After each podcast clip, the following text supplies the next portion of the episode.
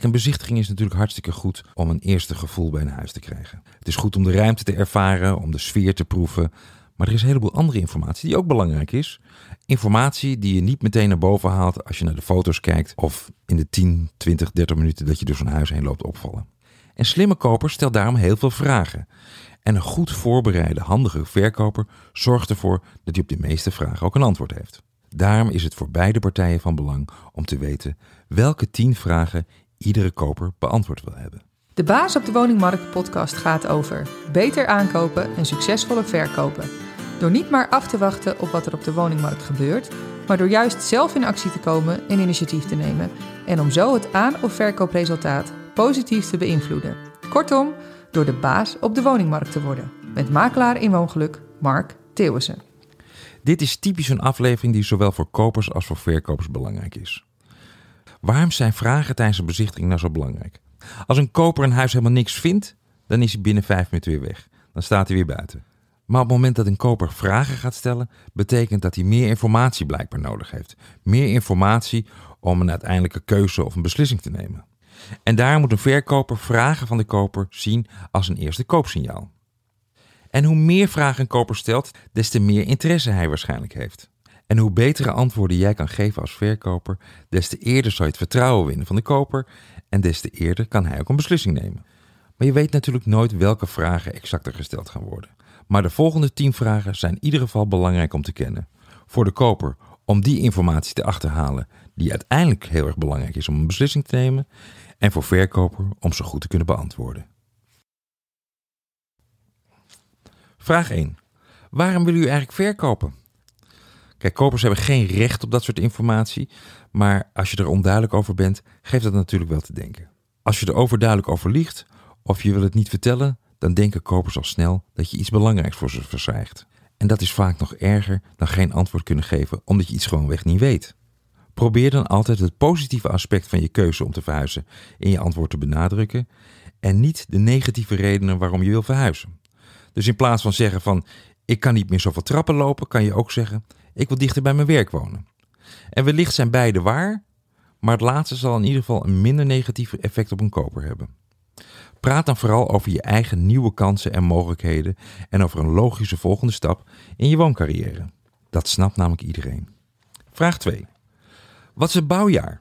En dan gaat het niet alleen om het huis, maar ook over de verbouwing, de renovaties en de moderniseringen die je gedaan hebt.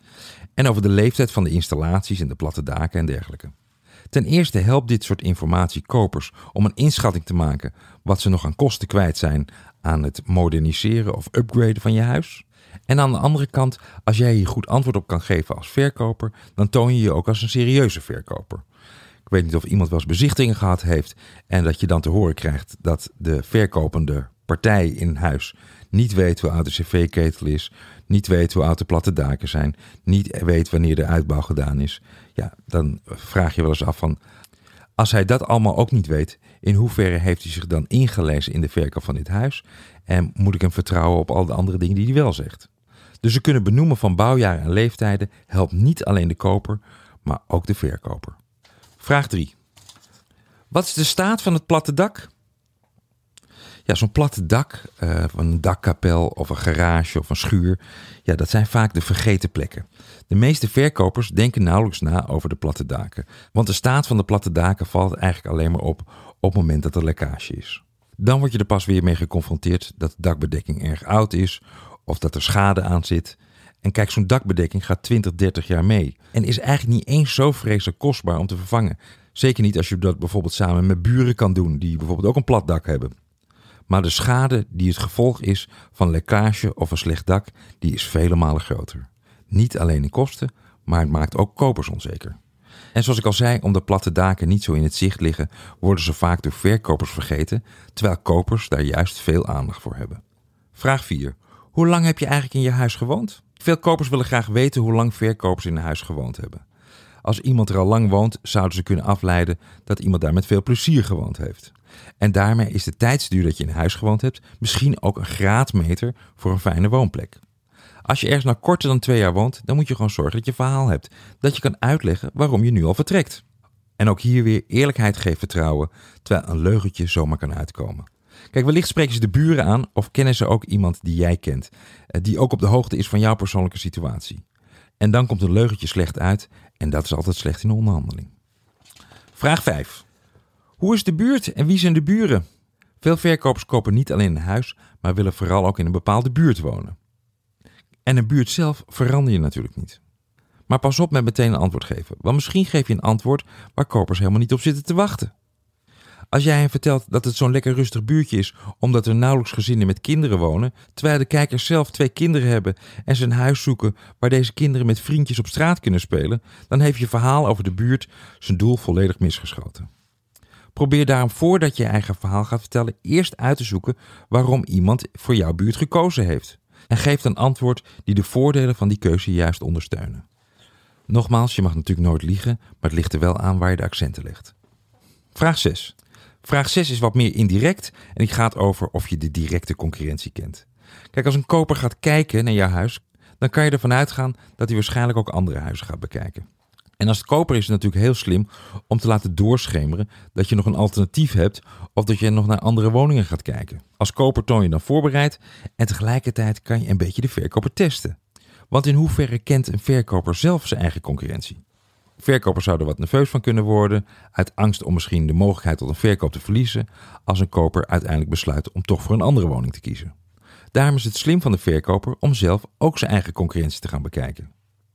Dat hoeft niet meteen in de bezichtiging, maar je kan natuurlijk gewoon de funda uitpluizen. En je kan gewoon een plus- en minlijst maken in hoeverre jouw huis beter of slechter is dan je directe concurrentie.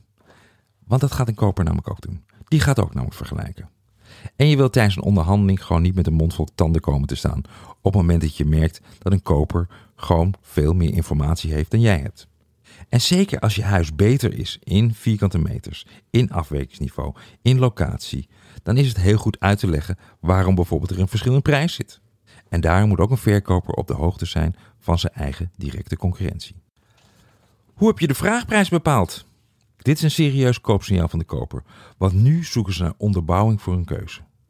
Als ze toch de woning niet interessant vinden, dan is de vraagprijs volstrekt onbelangrijk. Maar als een koper dit soort vragen gaat stellen, dan is dit het moment voor de verkoper om zijn onderhandelingspositie te verstevigen, door gewoon alvast goede argumenten klaar te hebben. Zo'n onderbouwing kan bestaan uit een spreadsheet van woningen die je bekeken hebt, een taxatierapport, andere woningwaardes. En dan hoef je niet meteen alles op tafel te leggen, maar het is natuurlijk fijn om dat achter de hand te hebben op het moment dat je je zeker wil voelen over de positie die je inneemt tijdens een onderhandeling. En als koper kan het ook een test zijn om te kijken hoe serieus de verkoper is. Of hij niet zomaar wat probeert en dat hij denkt van nou, ik zet gewoon maar een vraagprijs in en ik heb maar één gek nodig. En vaak is een vraag over hoe de vraagprijs bepaald is een opmaat voor de volgende vraag. Vraag 8. Want de volgende vraag is: wat is je bodemprijs? En dat klinkt natuurlijk als een logische vraag van de koper om uit te vissen wat je bodemprijs is. Maar het is echter gevaarlijk om hier een antwoord op te geven. Zeker onvoorbereide verkopers hebben nog wel eens de neiging om opeens iets te roepen. En daarmee hebben ze dan een anker uitgeworpen voor de onderhandeling. En hebben ze wellicht al hun beste onderhandelingsruimte weggegeven. Dus het is natuurlijk slim als koper om altijd te proberen om uit te vissen wat de bodemprijs van de verkoper is. En als een verkoper onvoorbereid is, kan hij zich misschien overvallen voelen en geeft hij zo misschien zijn positie bloot. En als voorbereide verkoper moet je de neiging weerstaan om meteen hier antwoord op te geven. En stel dan ook altijd eerst een tegenvraag. In plaats van antwoord te geven, zou je als verkoper de tegenvraag kunnen stellen van wat zijn jullie maximaal bereid te betalen? En als zij dan wat roepen, kan je meteen eroverheen gaan van mag ik dat dan als bieding noteren? Daarmee forceer je de koper meteen het bedrag wat hij noemde eh, vast te leggen. Oh nee, nee, nee, nee, nee. Oké, nee, nee, maar goed. Uh, jij vraagt mij, dan mag ik jou ook vragen. Voel je door een vraag van de andere kant opeens het nauw gedreven, stel dan altijd de tegenvraag. Het is goed om dit soort vragen van tevoren te bedenken voordat je bezichtiging ingaat. Dat geldt zowel voor koper als voor verkoper. Vraag 9. Wat is een mogelijke opleveringsdatum of wanneer wil je eruit? Kopers willen natuurlijk ook graag weten wanneer je van plan bent om je huis te verlaten. Maar realiseer je dat de opleveringsdatum ook een onderdeel is van een onderhandeling. En de voordeel van weten wanneer de andere partij graag wil opleveren, geeft jou als partij ook weer kracht. Als jij weet wanneer een verkoper graag wil verhuizen, heeft hij in wezen zijn voorkeur weggegeven en daarmee zijn wisselgeld ook uit handen gegeven. En je kan tijdens een onderhandeling daar ook druk op uitoefenen. Bijvoorbeeld door twee voorstellen te doen. Zeg, nou, jij wil graag een oplevering op datum X, dan betaal ik je dit. Maar ik wil eigenlijk liever een oplevering op een andere datum, op een latere datum, op een eerdere datum. En dan ben ik bereid om dit te betalen. Ook hier weer werkt de techniek van het stellen van een tegenvraag. Dus als iemand vraagt van wat is je mogelijke opleveringsdatum, vraag je wat zou jou het beste uitkomen. Zo draai je de macht om en heb jij het voordeel van het kennen van de wens van de andere partij in een onderhandeling. En vraag 10. Welke roerende zaken blijven achter? Wat blijft er achter in een woning en wat niet? Wellicht heeft een koper interesse in spullen zoals gordijnen, tuinmeubilair of gereedschap. Ook dit is gewoon weer een onderhandelingspunt voor beide partijen. Het is wisselgeld. En als koper wil je dat natuurlijk ook heel snel duidelijk hebben voordat je die onderhandelingen ingaat. Ofwel je kan het meenemen in de onderhandeling, of later inderdaad gebruiken als wisselgeld. Of je wordt geconfronteerd dat de verkoper het uiteindelijk gebruikt om zijn koopsom aan te vullen. Ja, we hebben een prijs afgesproken van dat. Maar als je die gordijnen mee wil nemen, en je wilt tuinmeubilair nemen en, uh, en de luxeflex overnemen, daar rekent hij dan nog eens een keer 750 euro voor. En dat is zonde, want dat had je beter vooraf kunnen bespreken. Vandaar dat een goed ingevulde roerende zakenlijst kan helpen om hier helderheid over te krijgen. Het is voor koper natuurlijk belangrijk om die lijst te hebben, het liefst voor de bezichtiging, zodat je hem eventueel mee kan nemen en dat je dan door het huis kan lopen om te kijken van wat neemt verkoper eigenlijk mee en welke waarde hecht ik daaraan. Kortom, deze tien vragen stellen of deze vragen goed beantwoorden gaat beide partijen helpen. De koper kan op basis hiervan de juiste keuzes maken, kan onderhandelingskracht opbouwen en kan inschatten wat de kwaliteit van de verkoper is. En tegelijkertijd leert hij natuurlijk meer over de woning. En een verkoper die dit soort vragen kan beantwoorden, is beter voorbereid, zal waarschijnlijk relaxter in zo'n bezichtiging staan. Het zal de sfeer van de bezichtiging te goede komen. En als je makelaar de bezichtiging laat doen, moet je zorgen dat hij die informatie ook paraat heeft. Onthoud, dit soort vragen zijn voor beide partijen een stap dichter bij overeenstemming. Beide partijen hebben hier een rol en een belang bij. En zo worden koper en verkoper baas op de woningmarkt.